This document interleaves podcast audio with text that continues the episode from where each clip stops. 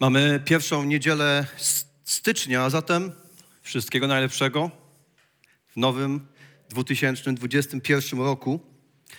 Myślę, że jeszcze niedawno przyjęlibyśmy te słowa jako coś bardzo oczywistego.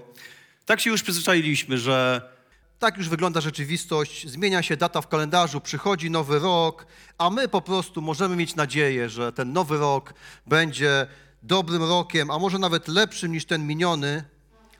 Tak myśleliśmy, no ale przydarzył nam się po drodze ten rok 2020, który nas tak wiele nauczył. I nagle się okazało, że, że świat, życie jest tak niestabilne, nieprzewidywalne i niepewne. I wprawdzie my mówiliśmy, że oczywiście to wszystko wiemy, ale dawaliśmy się tak łatwo uwieść temu, że tak wiele od nas zależy, że całkiem sobie nieźle dajemy radę jako ludzie z panowaniem nad światem i życiem. I myślę, i chyba to dobrze, że ten 2020 skutecznie nas z tego wyleczył. Co już nie jest takie dobre, ten rok 2020 obnażył wiele fundamentów, na których budujemy nasze życie i często też zachwiał tymi fundamentami, a w związku z tym też i to na pewno nie jest dobre, zachwiał naszą nadzieją. Zatem nie wiem, w jakich nastrojach rozpoczęliśmy ten rok, ale ja osobiście z wielką radością, z wielką ekscytacją chcę nas wszystkich zaprosić do tej wspólnej podróży z listem do Kolosan, która nam zajmie dobre dwa miesiące tego roku, który się właśnie rozpoczyna. A list do Kolosan jest jednym z tych listów, które apostoł Paweł napisał jako więzień w rzymskim więzieniu.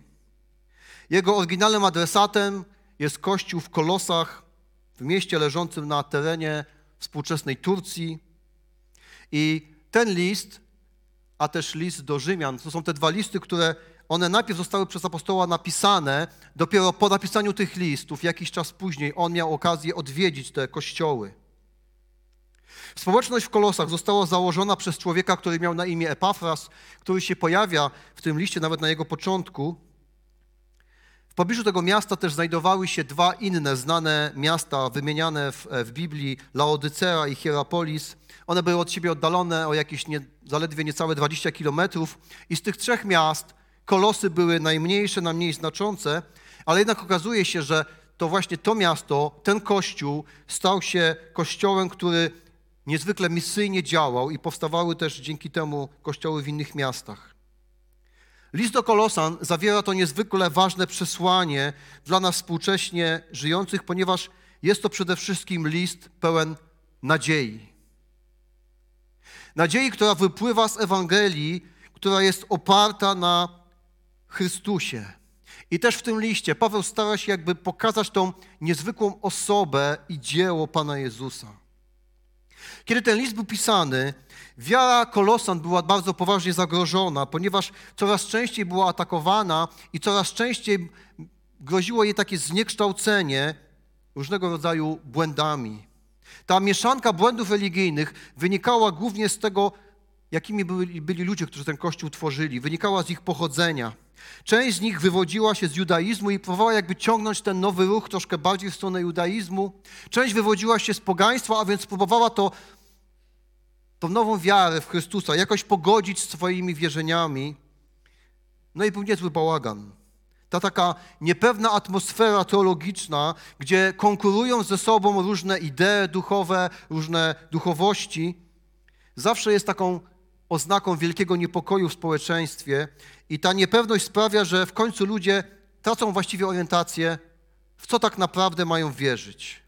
I to pewne napięcie, jakie jest w tym kościele, znajduje swoje odzwierciedlenie w tym liście, ale ja myślę, że to napięcie powinno być chyba też dosyć dobrze zrozumiałe przez nas, współcześnie żyjących.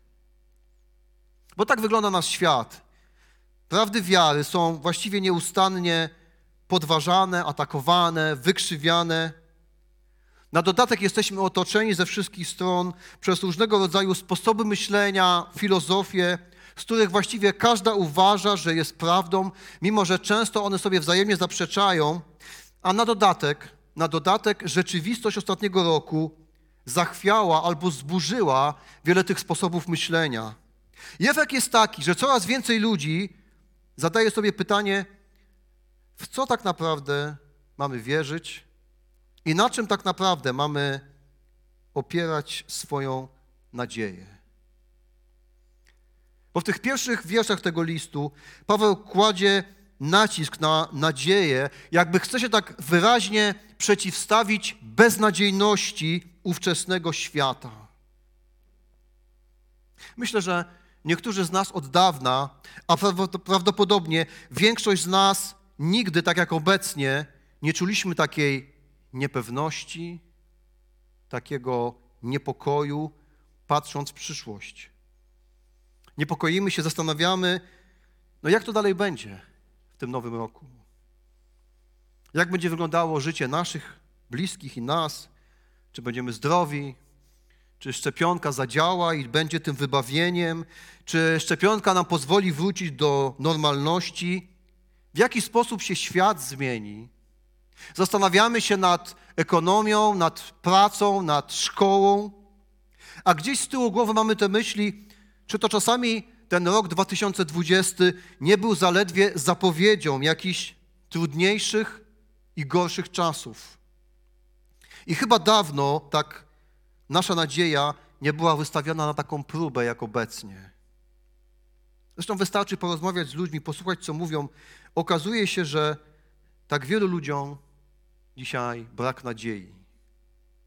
I nawet, nawet wielu chrześcijan dotknął ten stan. Wprawdzie mówimy, że nadzieja umiera ostatnia, ale w sumie okazuje się to nieprawdą i czasami, czasami wszyscy tracimy nadzieję.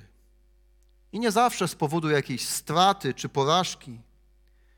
Ale zamykając rok 2000, 2020, mówiliśmy, że to jest taki trudny rok, już nie chcemy do niego wracać, chociaż tak naprawdę niewiele, a może nawet niczego nam nie brakowało. Mimo tego nadzieja okazuje się być towarem deficytowym w naszym życiu. Kolosanie byli ludźmi, którzy kiedyś żyli bez nadziei. Ich życie było pełne zamieszania, niepokoju, ale coś się stało. Znaleźli nadzieję, a wraz z nią znaleźli jeszcze dwie niezwykle cenne wartości. Znaleźli wiarę i miłość. I to posłuchajmy, jak ten list się rozpoczyna. Paweł, apostoł Jezusa Chrystusa z woli Boga i Tymoteusz, brat. Do świętych i wiernych braci w Chrystusie Jezusie, którzy są w kolosach. Łaska wam i pokój od Boga, naszego Ojca i od Pana Jezusa Chrystusa. Dziękujemy Bogu i Ojcu naszego Pana Jezusa Chrystusa, nieustannie modląc się za was. Odkąd usłyszeliśmy o waszej wierze w Chrystusa, Jezusa i o miłości względem wszystkich świętych, z powodu nadziei odłożonej dla was w niebie.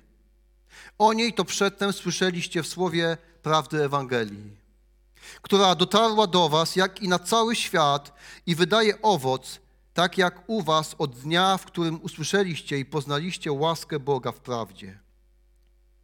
Jak też nauczyliście się od naszego umiłowanego współsługi Epafrasa, który jest wiernym sługą Chrystusa dla was, który też oznajmił nam waszą miłość w duchu.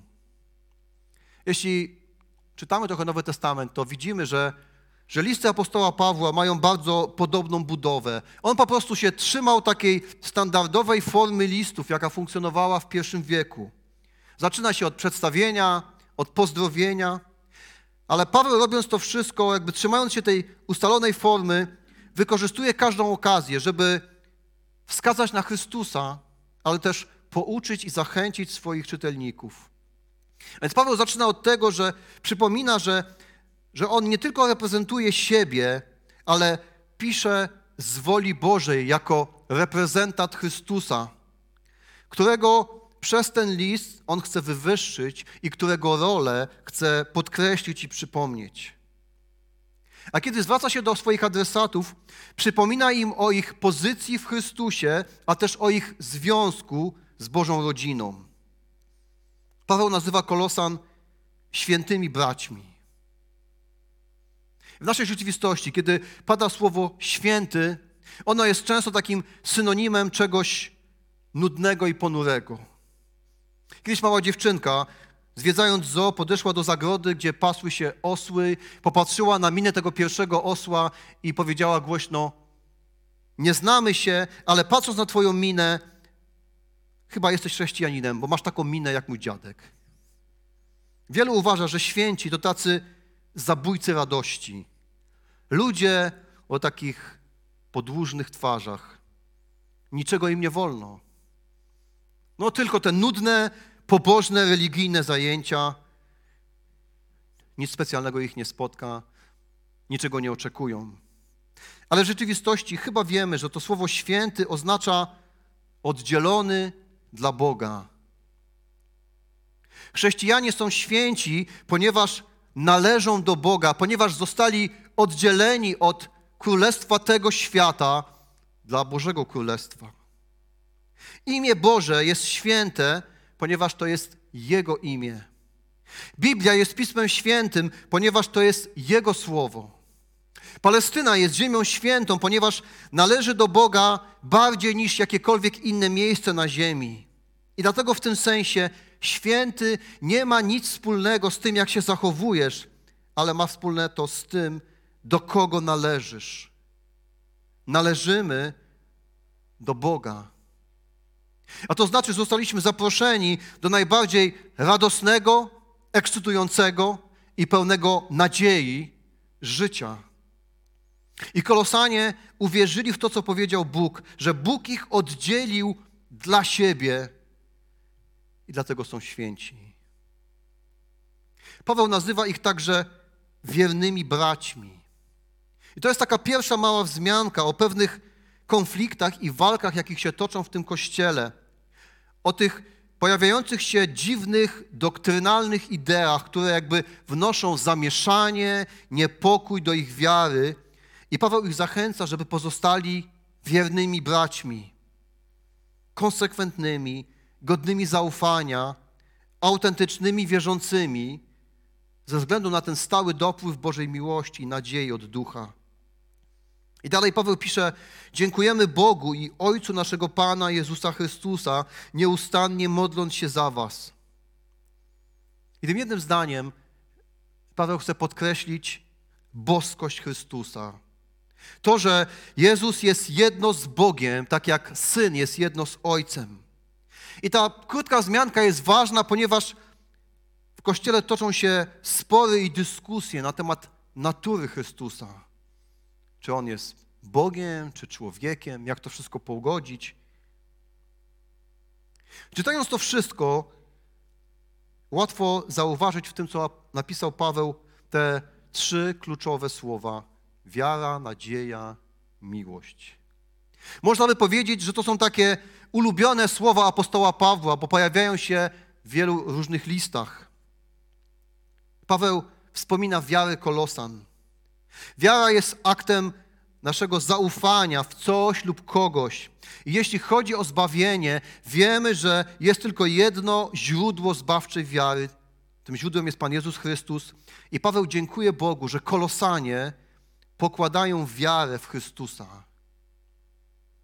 My często w naszym życiu jesteśmy kuszeni, aby zaufać innym rzeczom poza Chrystusem naszej moralności, naszej religijności, naszym ideom sprawiedliwości, ale ci, którzy prawdziwie są w Chrystusie, to ci, którzy mają tą ufną wiarę tylko w Niego. Paweł wspomina miłość Kolosan. I Pismo mówi jasno, że ci, którzy są w Chrystusie, są ludźmi miłości. I Paweł dziękuję, że Kolosanie pokazali swoją pozycję w Chrystusie poprzez swoją miłość. I podobnie jest z nami. Jako ci, którzy są w Chrystusie, my pokazujemy rzeczywistość Ewangelii w widoczny sposób poprzez to, jak kochamy innych. Paweł też wspomina nadzieję Kolosan. Dziękuję Bogu, że Kolosanie oczekują z tą mocną pewnością tego, co ich czeka w wieczności i to niezachwiane zaufanie do przyszłości jakby podtrzymuje ich wiarę i miłość. Kiedy my patrzymy na zmieniającą się rzeczywistość naszego świata, patrzymy na tą niepewność naszych własnych sytuacji, Łatwo jest popaść w zniechęcenie, w apatię, w rozpacz. Ale jako chrześcijanie możemy pamiętać, że mamy coś, co nie przemija, że jesteśmy częścią czegoś, co się nie rozpada. Mamy nadzieję złożoną, jak to pisze Paweł, w niebie. I jesteśmy powołani, by być ludźmi nadziei, ludźmi, którzy żyją nadzieją. Te trzy kluczowe słowa, wiara, nadzieja i miłość, często występują w listach Pawła i wskazują na coś, co moglibyśmy nazwać takimi cechami autentycznego chrześcijaństwa. Jeśli naprawdę jesteś w Chrystusie, jeśli jesteś jednym z tych świętych, wiernych braci, to znakiem tego będzie to, że masz wiarę i miłość, które wypływają z nadziei. I kiedy czytamy te słowa, ważne, żebyśmy zauważyli ten związek, jaki istnieje pomiędzy tymi poszczególnymi wartościami. Bo Paweł zwraca na to naszą uwagę, pisząc: Odkąd usłyszeliśmy o Waszej wierze w Chrystusa, Jezusa i o miłości względem wszystkich świętych, z powodu nadziei odłożonej dla Was w niebie, o niej to przedtem słyszeliście w słowie prawdy Ewangelii. Paweł zwraca uwagę, że nadzieja rodzi wiarę, a wiara z kolei przeradza się w miłość. Nadzieja jest korzeniem. Wiara jest rośliną, a miłość jest owocem. Zatem nadzieja jest fundamentalna. Powstaje zatem pytanie, gdzie się rodzi, gdzie się budzi taka nadzieja? Wszyscy rozpaczliwie potrzebujemy jej, bez nadziei tracimy chęć do życia i wszyscy miewamy takie chwile, kiedy, kiedy mamy ochotę powiedzieć: Mam dość, jaki sens, jaki pożytek, dalej już tak nie dam rady. Gdzie zatem się rodzi i budzi ta nadzieja, o której pisze Paweł? I odpowiedzi, jakiej nam Paweł udziela, ta odpowiedź brzmi tak. Z powodu nadziei odłożonej dla was w niebie, o niej to przedtem słyszeliście w słowie prawdy Ewangelii. Nadzieję budzi Ewangelia, czyli ta dobra wiadomość o Chrystusie. Ewangelia ma to do siebie, że ona nie porusza ludzi, którym wydaje się, że zmierzają drogą jakiegoś sukcesu w życiu. Ale Ewangelia ma to do siebie, że ona przemawia do ludzi, którzy widzą swoją przegraną. Do tych, którzy widzą, że są słabi, zagubieni, że ponoszą porażki. Do tych, którzy doświadczają tego, że to wszystko, w czym pokładali nadzieję, nie trzeba było nawet roku i to wszystko zostało zachwiane, a może nawet zburzone, zawiodło. I kiedy nic innego nie może dać nadziei, robi to właśnie Ewangelia. Ale jak to się dzieje, w jaki sposób? Jak ta historia o Jezusie, o Jego narodzinach, życiu, śmierci, zmartwychwstaniu, a potem przyjściu Ducha Świętego, jak to ma dać nam nadzieję, jak ma na to obudzić naszą wiarę, jak to ma nas pobudzać do miłości? I znowu odpowiedź jest w tym jednym zdaniu. Z powodu nadziei odłożonej dla Was w niebie. I kiedy czytamy te słowa o nadziei odłożonej dla nas w niebie, to nasze pierwsze skojarzenie biegnie w stronę życia po śmierci. Tego, że po tym życiu pójdziemy do wieczności, żeby być z Bogiem już na zawsze. I to jest rzeczywiście centrum naszej wiary, wspaniała nadzieja. Ale pytanie, czy to już wszystko? I czy na pewno tylko o to chodzi? Jeśli potraktujemy w taki sposób nadzieję chrześcijańską, to może, no może się okazać, że, że jest jakaś prawda w tym słynnym oskarżeniu wobec chrześcijaństwa, które brzmiało, że religia to jest takie opium dla ludzi. Jeśli wszystko, co Ewangelia ma do zaoferowania ludziom, zamyka się w tym, że po śmierci idą do nieba, Że tu na ziemi się męczymy, a tam w wieczności leżymy na tych niebiańskich sofach i jemy te niebiańskie desery. Jeśli to jest wszystko, to może rzeczywiście możemy przejść przez życie jacyś uśpieni, zadowoleni ze swojego losu, nie robiący nic, żeby coś poprawić, żeby coś zmienić. I może wtedy to oskarżenie, że religia usypia chrześcijan, że są obojętni na problemy i niesprawiedliwość. Może jest w tym trochę prawdy. Jeśli to naprawdę wszystko, co oferuje nadzieja i Ewangelia. To jest cudowna, niezwykła prawda, że istnieje to życie po śmierci, że jest ta wieczność z Bogiem, do której zdążamy. Ale Paweł pisząc te słowa ma na myśli coś znacznie więcej. I specjaliści od języka greckiego zwracają uwagę, że tutaj jest użyte słowo, e, słowo w liczbie mnogiej, że jest to mowa o nadziei, która jest dostępna dla nas w niebiosach. A ten termin niebiosa albo niebiańskie odnosi się nie tyle do nieba po śmierci, ale do tego niewidzialnego królestwa duchowego, które nas otacza ze wszystkich stron. Zatem tu jest mowa o nadziei dostępnej już tu i teraz, pochodzącej z tego Bożego Królestwa. Królestwa, które ma ten duchowy charakter, które jest niewidzialne. Królestwa, które otacza nas. To prawda, że w pełni tej nadziei doświadczymy wieczności.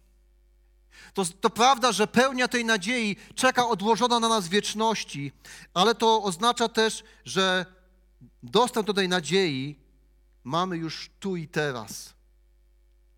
Co jest sednem tej nadziei, co jest jej treścią? Kiedy czytamy Nowy Testament, to się staje oczywiste, a najlepiej, najprościej określił to sam Pan Jezus, mówiąc: Niech się nie tworzy wasze serce, bo ja jestem z wami. Jezus nie tylko czeka na nas tam w niebie, tam w przyszłości, jak odejdziemy z tego świata, ale Jego królestwo, chociaż jeszcze nie w pełni, już nadeszło. I On jest z nami tu i teraz. I to jest nadzieja, którą budzi Ewangelia.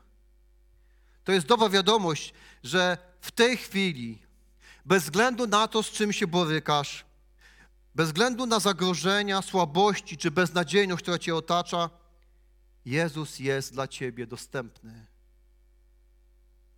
Jezus może Ci udzielić swojej siły, może obdarzyć Cię Jego mądrością, może Cię wzmocnić, może Cię poprowadzić, może Ci pomóc przejść przez życie, aż dojdziesz do domu Ojca, tam do wieczności, a doświadczysz pełni tej nadziei, która jest odłożona tam. Ale już dziś możesz tego doświadczyć. Ta nadzieja płynąca z Ewangelii budzi wiarę. A wiara oznacza działanie zgodnie z tą nadzieją.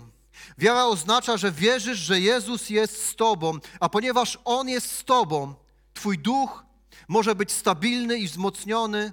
Ponieważ On jest z Tobą, jesteś w stanie pójść dalej i przejść to wszystko, co nadchodzi. My wszyscy wiemy, co to znaczy mieć takiego pewnego przyjaciela, drogiego, który przychodzi w trudnych chwilach, aby stać obok i dodawać nam otuchy. Taki właśnie jest Jezus. Pan chwały jest z nami. I z tego płynie dla nas ogromna nadzieja. I o tym pisze właśnie Paweł do Kolosan, o tej niewidzialnej rzeczywistości Bożego Królestwa, która jest dostępna dla nas w Chrystusie. On jest zawsze gotowy do pomocy i do zachęty w naszym życiu.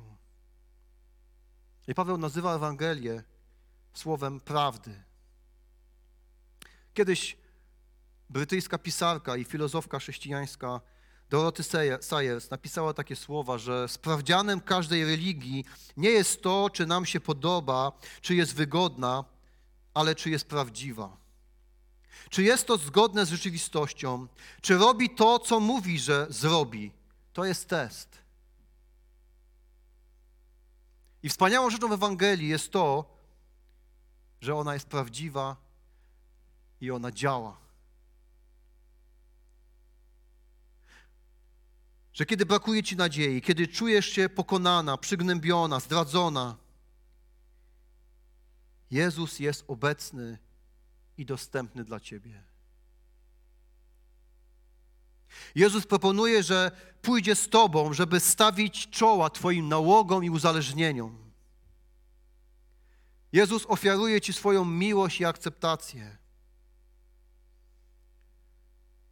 Jezus jest z Tobą, kiedy czujesz samotność, kiedy Twoje porządliwości kuszą Cię do jakiegoś niemoralnego postępowania. Jezus oferuje wsparcie w chwilach presji i stresu, kiedy stykasz się z chorobą, z niepewnością, ze strachem o przyszłość. Kiedy wydaje ci się, że Twoje życie jest jak rozsypana na milion kawałków układanka, Jezus jest i jest gotowy to wszystko poukładać. On jest tym mistrzem. Kiedy cały świat odwraca się od Ciebie, On jest.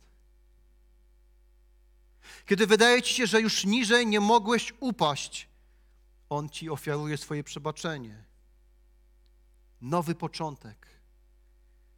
Kiedy brak ci sił, sensu i spełnienia, On jest. Chce cię odnowić. Chce dać ci życie pełne obfitości.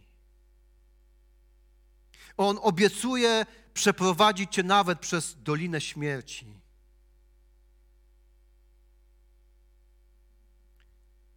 I to właśnie potwierdza apostoł, mówiąc do Kolosan, z powodu nadziei odłożonej dla was w niebie. O niej to przedtem słyszeliście w słowie prawdy Ewangelii, która dotarła do was jak i na cały świat i wydaje owoc tak jak u was od dnia, w którym usłyszeliście i poznaliście łaskę Boga w prawdzie. Może się okazać, że, że jest to jedna z najbardziej zaniedbanych chrześcijańskich prawd. I to jest zdumiewające, ilu chrześcijan stojących w obliczu trudności, próby, przeciwności traci nadzieję, poddaje się. Poddaje się, ponieważ okazuje się, że w tej sytuacji nie ma dostępnej ludzkiej pomocy, albo ta ludzka pomoc jest niewystarczająca, nieadekwatna. I jesteśmy tacy rozżaleni, zapominając o tej możliwości Bożej interwencji w naszym życiu. O wiele łatwiej przychodzi nam szukać pomocy u ludzi, zapominając, że Boża pomoc zawsze jest dostępna. Jesteśmy czasami jak taki mały chłopiec, który ciągle woła, żeby w nocy ktoś siedział w sypialni koło jego łóżka, a kiedy rodzice siedzą koło niego i mówią: Będzie dobrze, nie martw się, aniołowie są z tobą, ten chłopiec mówi: Nie chcę aniołów, chcę ludzi z krwi i kości. I my się często podobnie zachowujemy. Nie chcemy tej niewidzialnej pomocy. Jesteśmy źli i urażeni, jeśli ludzka pomoc nie jest dostępna. Ale Bóg czasami celowo tą ludzką pomoc jakby oddala od nas, żebyśmy zwrócili się w Jego stronę i żebyśmy się przekonali, jak dobrym Bogiem On jest, jak dostępnym dla nas. Ta pomoc działa na całym świecie. Wszędzie tam, gdzie dociera Ewangelia i gdzie ludzie zwracają się do Boga. I myślę, że to jest jeden z najbardziej zdumiewających dowodów autentyczności wiary chrześcijańskiej i pisma. Trzeba znać apologetyczne argumenty przemawiające za wiarą, za Biblią, za jej autentycznością, ale okazuje się, że one są często niewystarczające. Wszystkie twarde dowody i argumenty można odrzucić za pomocą różnych intelektualnych podejść. I mimo tego, że apologetyka chrześcijańska jest bardzo potrzebna, w końcu, w końcu głównym dowodem prawdziwości pisma jest to, że ono działa. Gdy sobie nie, nie radzisz, gdy tego potrzebujesz, gdy wydaje ci się, że jesteś sam, gdy myślisz, że nikt o ciebie nie dba, nikt nie pamięta, gdy myślisz, że wszystko jest stracone, Jezus jest obok. I jeśli się tylko do Niego zwrócisz, On zacznie działać w Twoim życiu. Chuck Colson był znanym prawnikiem i doradcą politycznym prezydenta Nixona. Zyskał rozgłos w takim szczytowym momencie słynnej afery z lat 70. o nazwie Watergate, ponieważ został wymieniony jako jedna z siedmiu kluczowych osób w tej aferze. Kilka miesięcy wcześniej, zanim to wszystko wyszło na powierzchnię, Colson stał się chrześcijaninem. Dlatego, kiedy rozpoczęło się śledztwo, przyznał się do udziału w tej aferze, przyznał się, że świadomie utrudniał też pracę wymiarowi sprawiedliwości i za to wszystko został skazany na 7 miesięcy więzienia, a cała jego prawnicza i polityczna kariera była skończona. Jednak jego nawrócenie zapoczątkowało taką radykalną zmianę. Colson wyszedł z więzienia z misją. Postanowił zmobilizować kościoły chrześcijańskie do służby ludziom, którzy są w więzieniach. W 1976 założył stowarzyszenie Prison Fellowship, które do dziś jest największą organizacją non-profit w Stanach, która dociera do więźniów, do byłych więźniów, a także do ich rodzin. Organizacji, która była czołowym orędownikiem reformy sprawiedliwości w Stanach Zjednoczonych. Colson był znanym mówcą, napisał ponad 30 książek i chociaż zmarł w 2012 roku, jego dzieło jest ciągle kontynuowane, rozwijane, a wszystko zaczęło się od tego, że ktoś poprzez Ewangelię obudził jego nadzieję. Nadzieję, która obudziła wiarę i miłość. I Paweł właśnie pisząc do Kolosan, dziękuję Bogu za ich wiarę, za ich miłość i za nadzieję, która dotarła do nich przez Ewangelię, która dotarła do Was, jak i na cały świat i wydaje owoc, tak jak u Was od dnia, w którym usłyszeliście i poznaliście łaskę Boga w prawdzie, jak też nauczyliście się od naszego umiłowanego współsługi Epafrasa, który jest wiernym sługą Chrystusa dla Was, który też oznajmił nam Waszą miłość w duchu. Pewnego dnia Epafras przybył do tego mało znaczącego miasta Kolosy. Zaczął rozmawiać z ludźmi o Chrystusie. Miał też przyjaciół w innych miastach, w Laodycei, w Hierapolis i tam postępował podobnie. Tym, których spotykał, opowiadał o Jezusie, o znaczeniu Jego śmierci, o chwale Jego zmartwychwstania, o Jego dostępności dla ludzi za pośrednictwem Ducha Świętego, który przyszedł w dniu Pięćdziesiątnicy. I to wszystko zaczęło budzić tych ludzi z beznadziejnego stanu, w jakim tkwili.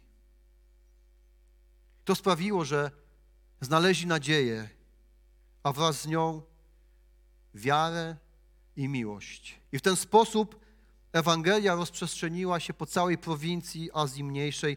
Powstały setki kościołów, bo Ewangelia ma moc budzenia nadziei.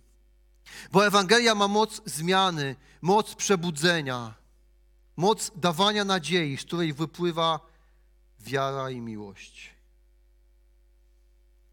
My wszyscy ocieramy się o ludzi, którym brak nadziei. Rozmawiamy z nimi, słuchamy ich smutnych historii. Mijamy na ulicach i sklepach, chociaż nosimy maseczki. Patrzymy na ich profile społecznościowe, gdzie są piękne zdjęcia, gdzie wszystko wygląda pięknie i fajnie, ale wiemy, że to jest tylko ułuda rzeczywistości. Brak nadziei. Gdy nadzieja okazuje się być towarem deficytowym, także w naszej części świata, w pandemii, w niepewności i lęku o zdrowie, lęku o swoich bliskich, o przyszłość, o ekonomię, w niepewności o to, co przyniesie rok 2021, ciągle Ty i ja możemy doświadczyć i zobaczyć owoc Ewangelii. Bo gdy opowiadamy słowo prawdy, budzi się nadzieja, a z nią budzą się wiara i miłość. Powstańmy do modlitwy. I rozpoczynając ten nowy rok, prośmy Boga, aby jeśli to trzeba, obudził nadzieję w naszym życiu, moim i Twoim. I prośmy też Boga, aby pozwolił nam być tymi, poprzez których On obudzi nadzieję, wiarę i miłość w życiu innych ludzi.